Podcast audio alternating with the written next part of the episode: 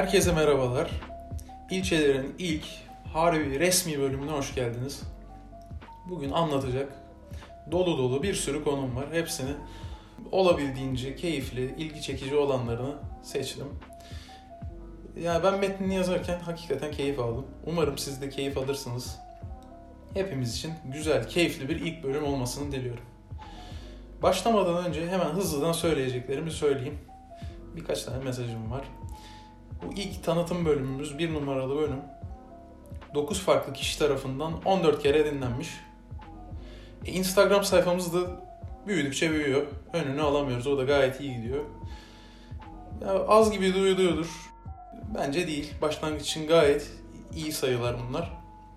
Hani e, bence olumlu bir başlangıç oldu. Vaktini ayırıp dinleyen, destek olan herkese de çok teşekkür ediyorum. İyi ki varsınız. Sağ olun, var olun diyorum. Dinlemeye de devam edin be kardeşim ya. Haydi bakayım. Diyorum. Lafı da fazla uzatmadan bu haftanın ilgimi çeken şeylerine yani benim dilimde ilçelerine haydi bir dalalım. Hadi başlayalım artık. Evet ilk konumuz Tamahagane ve genel olarak katanalar. Katana dediğimiz nedir? Filmlerden, dizilerden, animelerden aşina olduğumuz samuray kılıcıdır katana. Kavisli ve tek köşeli e, bir yapıya sahip.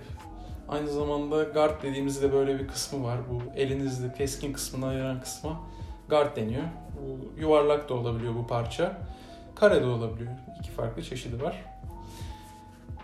E, fakat bu bölüm ben size daha çok Tachi'den bahsetmek istiyorum. Katana'dan ziyade. Çünkü Katana'nın atasıdır Tachi. Yani ben de aslında metnini yazarken öğrendim. Katana katana söyleyip söyleyip dilimize pelesenk etmişti. Nedir bu katana dediğimizde Tachi çıktı karşıma. Ben de bahanesiyle öğrenmiş oldum. Ee, katana'dan tabii ki daha eski dediğim gibi atası. Katana'ya göre de belli farklılıkları var. Öncelikle çok değil aslında ama long Tachi diye bir versiyonu var. O zaten oldukça uzun. Ama normal Tachi de Katana'ya göre daha uzun, daha ağır. Ee, daha az kavisli. Böyle bir kılıç. Hatta Tachi'den de önce Chokuto diye bir kılıç var. Fakat bu düz bir kılıç ve at üstünde kullanıma da pek uygun değil, elverişli değil. Zamanla da zaten yerini Tachi'ye bırakıyor. Çünkü bu düzlüğün getirdiği bir dezavantaj var. At üstünde kullanımı e, oldukça zorlaştırıyor. Fakat Tachi'deki e, bariz belirgin o kıvrım, eğim at üstünde savaşmayı rahatlaştırıyor. E, zaten uzun da bir kılıç. Daha iyi adamları kese kese gidiyorsunuz yani anlayacağınız bu. E, başlarda eğimi düzensiz bu kılıcın. Tabi e, düzensiz olması da bir dezavantaj. Bu da zamanla daha e, kavisinin düzgünleşmesini getirdi yani bunu yapan arkadaşlar. Çokuto dedik. Tachi'nin atası. Çokuto'dan önce de tabii başka kılıçlar vardı. O başka e, bölümün konusu olur artık. Biz şimdi tekrar Tachi'ye dönelim. Tachi dediğimiz kılıç 900-1596 yılları arasında oldukça popülermiş. E, fakat bu kullanımına durduktan sonra da yüksek rütbeli samuraylar arasında kullanımına da devam edilmiş tabi. Yani popülerliğini kaybediyor ama kullanıma da devam edilmiş. Ayrıca ek bir bilgi vermek istiyorum. 11. yüzyılda Tachi yakındaki Asya ülkelerine ihraç edilmeye başlanıyor. Ve bayağı da bir popülermiş bu ülkeler arasında. Çin'de bir hanedan, Song hanedanı. Song hanedanında devlet adamı olan Oyan Xiu. Xiaomi'den çıkardım. Nasıl okuduğunu pek de bilmiyorum ama. Japon silahlarının şarkısı adlı bir şiiri var bu arkadaşın ve Tachi'yi betimlemiş. Demiş ki kını yani sapı güzel kokulu tahtadan ve balık derisi kaplı, bakırla süslenmiş çok değerli bir kılıç. Kötü ruhları def edebilecek yeterliliğe sahip ve büyük paralara ihraç ettik kelimelerini kullanmış. Gerçekten iyi de kullanmış. Ben de resimlerinden baktığım kadarıyla siz de açıp bakın tabii ki. Gayet kullanışlı duruyor. Hani bunun takdiri bana düşmez pek ama yani savaşçı değilim bir şey değilim. Ben nereden anlayacağım kardeşim ama gayet güzel duruyor. Ha, benim favorim katana tabii o ayrı mesele ama. Neyse. Ee, bu taçilerden iyi güzel bahsediyoruz fakat taçilerin de hani yetersiz kaldığı noktalar e, yavaş yavaş baş vermeye başlamış. 13. yüzyılda Mongol, Mongol isyanı sırasında e, taşiler bükülmeye başlamış, kırılmaya başlamış. Yani dizaynı ve materyalleri açısından yetersiz kalmaya başlamış. Bunun üzerine de e, renovasyonlar yapmaya başlamışlar. Yumuşak ve sert çelik kombine edilmiş. Soğuturken, ısıtırken değişik çeşitli teknikler uygulanmış. Kavis e, daha eşitlenmiş bu üstündeki kavis çünkü bazısında köşeli falan bile olabiliyormuş yani bu daha düz bir kavis haline gelmiş e, falan filan yani daha sonralarında savaşlarda Taçi yakın dövüş için daha yetersiz kalmış, hantal kalmış ve bunun üzerine de kısaltmışlar. Bu dediğim renovasyonları uygulamışlar. Ortaya da katana çıkmış. Bu e, dilleri artık destan olmuş. Güzel kılıç ortaya çıkmış. Evet Katana'dan pek de aslında bahsetmedim. Genel olarak Tachi'den bahsettim ama hani Katana'yı anlamak üzerine bence Tachi'nin incelenmesi daha da önemli yani ilk başlarda. Ee, Katana üzerine belki devam ederim başka bölümlerde. Şimdilik Katana'yı bir durduruyorum ve Tamahagane'ye geçiyorum. Nedir bu Tamahagane? Tamahagane dediğimiz mevzu e, ilk önce ben NHK World'de izliyorduk, gördüm e, yapılışını gördüm, onun in, işlenmesini gördüm. Oldukça da hoşuma gitti aslında. E, Tamahagane nedir? Tamahagane Japonca tabii ki. Tama değerli demek ve Hagane de çelik demek. Bu iki kelimenin birleşiminden ortaya çıkıyor. E, Japonya Shimane'den çıkan özel demir tozundan yapılmış bir çelik türü bu. İki çeşit demir tozu var. E, Akame Satetsu ucuz ve e, biraz daha değersiz olanı ve Masa Satetsu. Bu pahalı olanı tabii ki daha değerli. E, ikisinden belli miktarlarda karıştırılıyor ve yüksek ısılarda belli işlemler uygulayarak bunu üretiyorlar.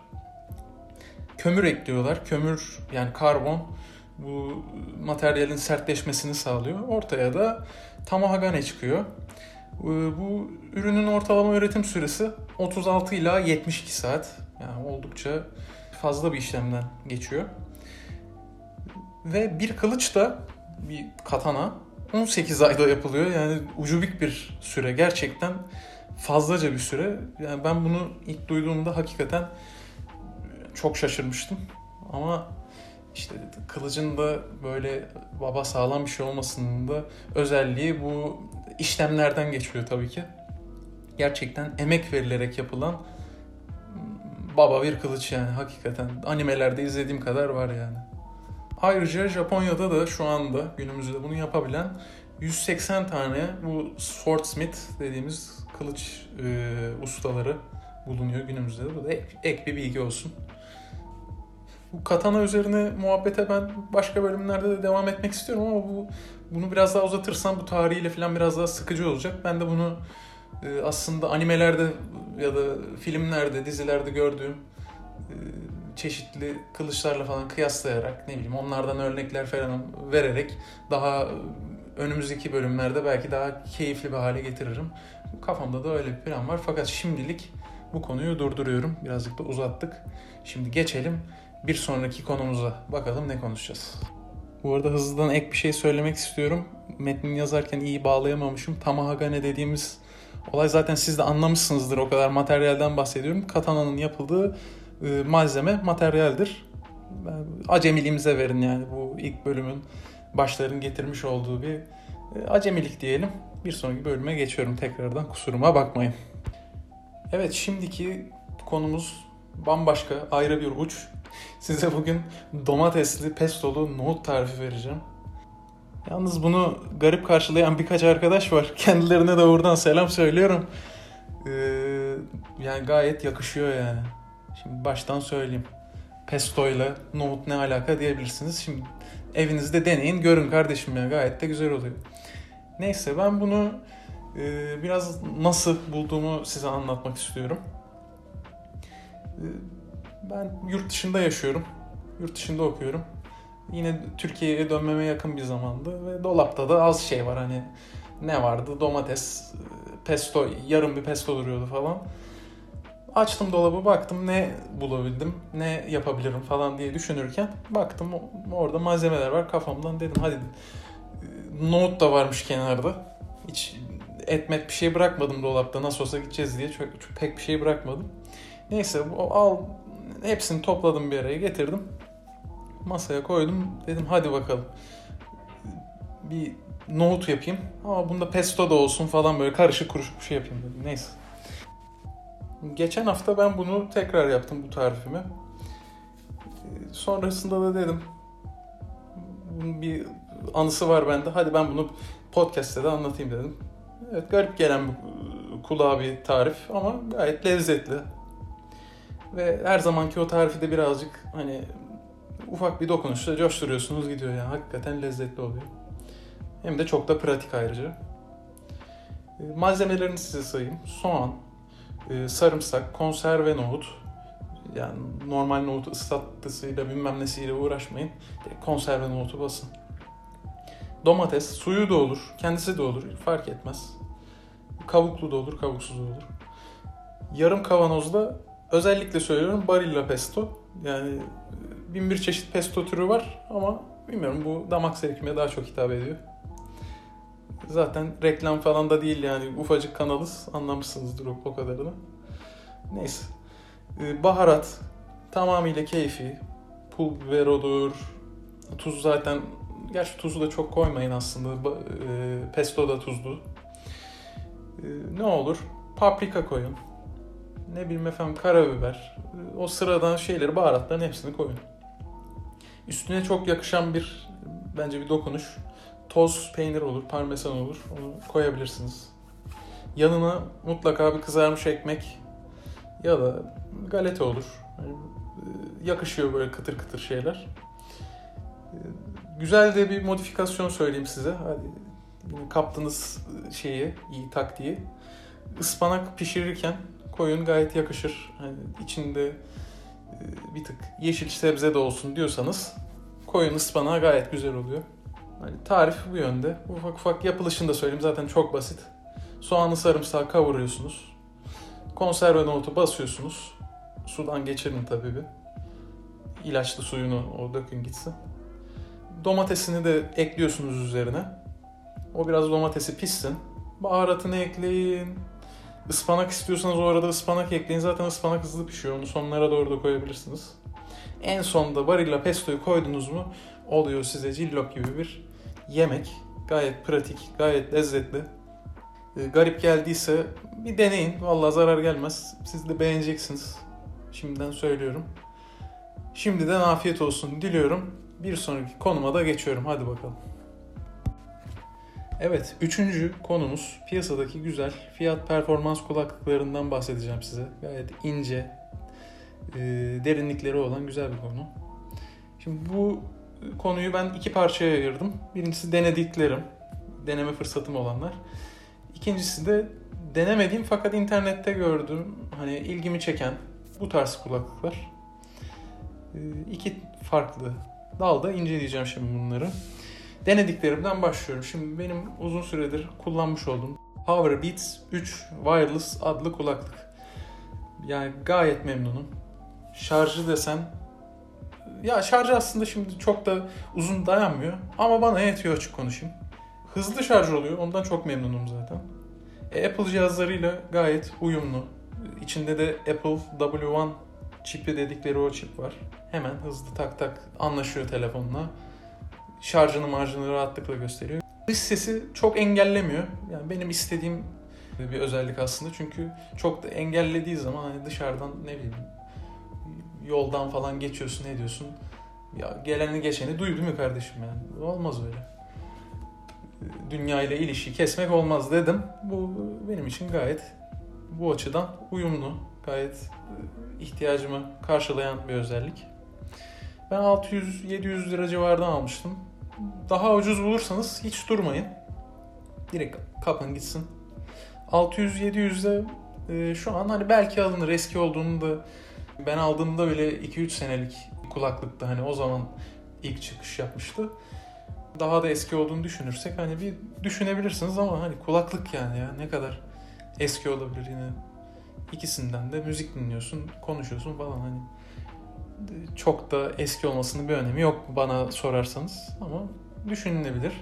Ha, bazı sitelerde de 1800 civarı fiyatları artık aşmış onlar yani artık nasıl bir satış anlayışı, anlayışıysa bu. Ya onlar zaten direkt kaçın onlardan. Tokatçılar onlar ya. Hiç olmaz öyle iş ya. Neyse benim bu puanı e, bu kulaklığa puanım 10 üzerinden 9 verdim ben. Hani 10 üzerinden 10 çok da tarzım değil zaten. Ufak da noksanlıkları, eksikleri olduğunu düşünürsek 9 gayet ideal. Zaten e, belli şeyleri de açıklar nitelikte bir puan. İkinci kulaklığımız Xiaomi Mi e, True Wireless Earbuds. Yani biraz uzun bir adı var. Tasarım falan gayet iyi. Zaten ufacık bir kulaklık hani takıyorsunuz kulağa gözükmüyor neredeyse. Şarjı da gayet iyi. Zaten taşıma kabı da şarjlı. O özelliği gayet iyi. Ses kalitesine gelince şimdi ben açıkçası çok memnun kalmadım. Kulağa pek ya kulağa aslında iyi oturduğunu düşünüyorsunuz ama hani tam orada iyi durmuyor. O biraz havada kaldığından dolayı da baslarda ben açıkçası pek iyi bir verim alamadım. Bir de şunu söylemek istiyorum. Önceki bahsettiğimiz kulaklık True Wireless değildi bu full kablosuz değil. Yani, e, bence bir kablonun olması daha iyi. Kaybetmemek açısından en azından. Bu bahsettiğim bu Xiaomi kulaklıkta True Wireless. Hiçbir kablo yok, bir şey yok. Çoğu insana göre artı. Hani ben de artı olarak sayacağım. Ama benim tercihim genelde kablolu olan yönde. 110-130 lira arası değişen bir e, fiyatı var internette. Hepsi burada. Neon 1, Trendyol, o yol gibi sitelerden bulabilirsiniz. Ya bence özellikleri için gayet iyi bir fiyat. Verilir bir para yani gerçekten verirsin. Alırsın kullanırsın da yani senelerce götürür seni. Ama üstüne sanki biraz ekleyince de daha iyi şeyler de alınabilir. Hani bilmiyorum ya. Biraz arada kaldığım bir kulaklık. Benim buna puanım 6 ile 7 arasında 10 üzerinden. Ben buna 6.5 diyorum kafadan. Çok da uzatmıyorum. Son denediğim kulaklığa geçiyorum. Sony WE-C200. Yani oldukça böyle pek hatırlaması zor bir isim. Neyse. Kablolu ama kablosuz. Bu benim kullandığım kulaklık gibi. Arkadan bir kablo geçiyor. Ama kablosuz. Gayet e, benim hoşuma giden tarzda bir kulaklık. Ses kalitesini ben beğendim. Gayet güzel. Bası bas, tizi tiz gayet alıyorsun bütün sesleri. Kullanımı da rahat. Kullanmadığın zaman bunu boynuna takabiliyorsun. Uçları kulaklıkların mıknatıslı. Bu kolye gibi duruyor e, boynunda gayet. Hem dışarıdan da şık duruyor. Hem de kullanışlı gayet güzel. Ben çok beğendim açık konuşayım.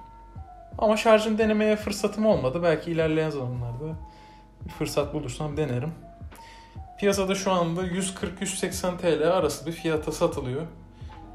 Yani buna da pek diyeceğim bir şey yok. Kesinlikle alınır diyorum ben buna.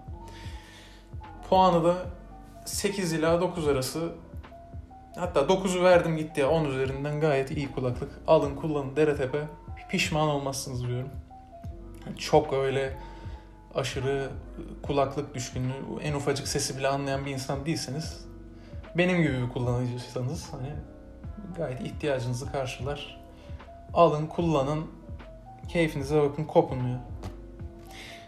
Neyse, şimdi denemediğim fakat ilgimi çeken kulaklıklara geldim. Zaten burada tek bir markadan bahsedeceğim size. Anker'in bu zamanlar benim çok ilgimi çekiyor aslında. Anker Soundcore ee, Life Q30 ve Q20 modelleri var iki tane. Fakat Q20'yi ben daha sonra inceledik, daha iyi bir inceledim. Ve aşırı da, da ısınmadım çünkü belli özellikleriyle pek de aslında iyi olmadığı kanısına vardım. Öncelikle Q30'dan bahsedeceğim. En en en alınabilir. Bu arada Q10'u da var. Çok daha ucuz bir modeli. Ondan da çok iyi bahsediyorlar ama ben tasarımını beğenmedim açık konuşayım. Kulaklıkta tasarım benim için önemli. Ve onu şimdi kenara koyuyorum. Ama o da alınır diyorlar. Hani tasarım sizin için önemli değilse Q'nu da alın gitsin o da güzel diyorlar. Tabii bunlar sadece benim duyduklarım. İncelediklerim. O yüzden güvenmek size kalmış. Şimdi alırsanız da kötü çıkarsa da tutup da bana yazmayın kardeşim. Dandik kulaklık önerdin diye. Benim duyduğum bu.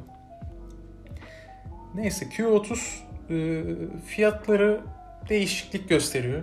Amazon.com.tr'den 833 TL'ye ben bir fiyat gördüm. AliExpress'te 600-700 civarı değişen rakamlara satılıyor. Fakat e, çeşitli Türk sitelerinde de daha ucu bir daha yüksek rakamlar da gördüm açıkçası. Hani AliExpress'ten ne kadar alınır onu da çok bilmemekle beraber bunu da söylemiş olayım. Gayet konforlu duruyor ve hani inceleyenler de konforlu diyor buna. Güzel gözüküyor. Bir açın bakın derim. Hani kulaklık ihtiyacınız varsa ve premium bir kulaklık arıyorsanız.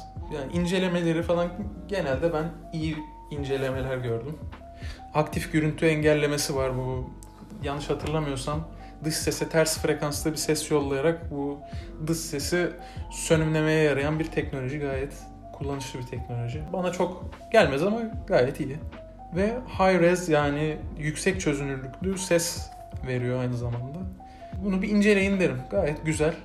600-700 lira bu böyle bir kulaklık için pek de pahalı değil aslında düşünürsek. Yani euro dolar zaten uçmuş gitmiş bu vakitte pek de takılmamak lazım. Q30'u alın keyfinize bakın derim. Neyse çok da uzatmadan bu konuda böyleydi diyeyim geçeyim. Evet şimdiki bölümümüz son bölümümüz e, ilgimi çeken öneriler kısmı. Fakat bu kısmı birazcık hızlı tutacağım çünkü önceki bölümde biraz fazla konuşmuşum, boş konuşmuşum. Bunları telafi etmek adına hemen hızlı geçiyorum. İlk önerimiz AliExpress Cold Brew sürahisi. Ben bunu gördüm ve ya aslında böyle bir ürün arıyordum ben. Normal şişede yapıyordum. 35-50 TL arası. Alın soğuk çay yapın, cold brew kahve yapın. Hatta ananaslı soğuk çay da yapabilirsiniz. Güzel oluyor. Alın bunu kullanın. Birinci önerimiz. İkinci önerimiz bir film. Taxi Driver, Robert De Niro'nun filmi. Ben bunu yazın izlemiştim. Robert De Niro abimiz eski asker. Vietnam Savaşı'na katılmış. Savaştan sonra da taksiye falan çıkıyor. Ee, ama ortama da pek ayak uyduramıyor. Gerisi spoiler olur artık birazcık. Oturun izleyin derim ben.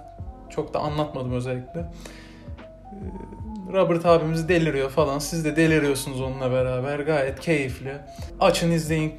Çıldırın. Gayet keyifli vakit geçirirsiniz. Soluksuz izlersiniz. Hadi bakalım.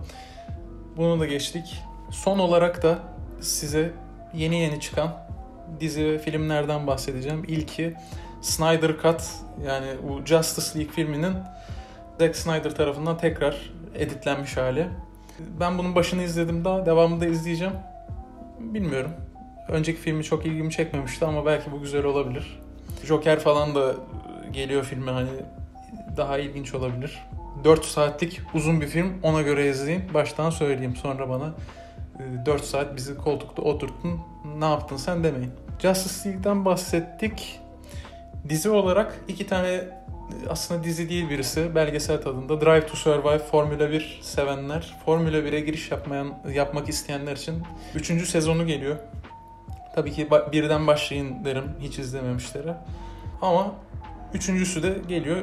Hali hazırda Formula 1 takip edenlere duyurulur. Zaten duymuşsunuzdur da çoğunuz. Ama şu ana kadar iyi dönütler, geri dönüşler almadım. Onu da baştan söyleyeyim. Ve son dizimiz Falcon and Winter Soldier. Bir Marvel dizisi. Daha ilk bölüm çıktı. Haftadan haftaya çıkacak. Bu Netflix usulü hepsi birden çıkmayacak. E, denilene göre. Ve bakalım inşallah güzel bir film olur güzel bir dizi olur diyorum ve önerilerimi de burada sonlandırıyorum. Evet bu haftalık benden bu kadar. Konularımızı konuştuk, sohbetimizi ettik. Gayet güzel bir bölüm olduğunu düşünüyorum. Ee, geri dönüşlerinizi, önerilerinizi bana Instagram üzerinden yapabilirsiniz. Maili şimdilik söylemeyeceğim. Yeni bir mail daha açıyorum. Onu daha sonra söylerim. Onun dışında dinleyen herkese teşekkür ediyorum. Sonuna kadar sabrettiğiniz için biraz gereksiz uzatmış olabilirim bazı yerleri. E, affola diyorum. Ve kapanışımızı yapıyoruz diyelim. Teşekkür ederiz. Tekrar bekleriz. Her hafta bizlerle beraber ilçeleri dinleyin diyorum. Hadi görüşürüz diyorum. Daha da uzatmadan hadi bay bay. Hadi neyse artık kapanış yap. Yapamıyorum pek. Hadi görüşürüz.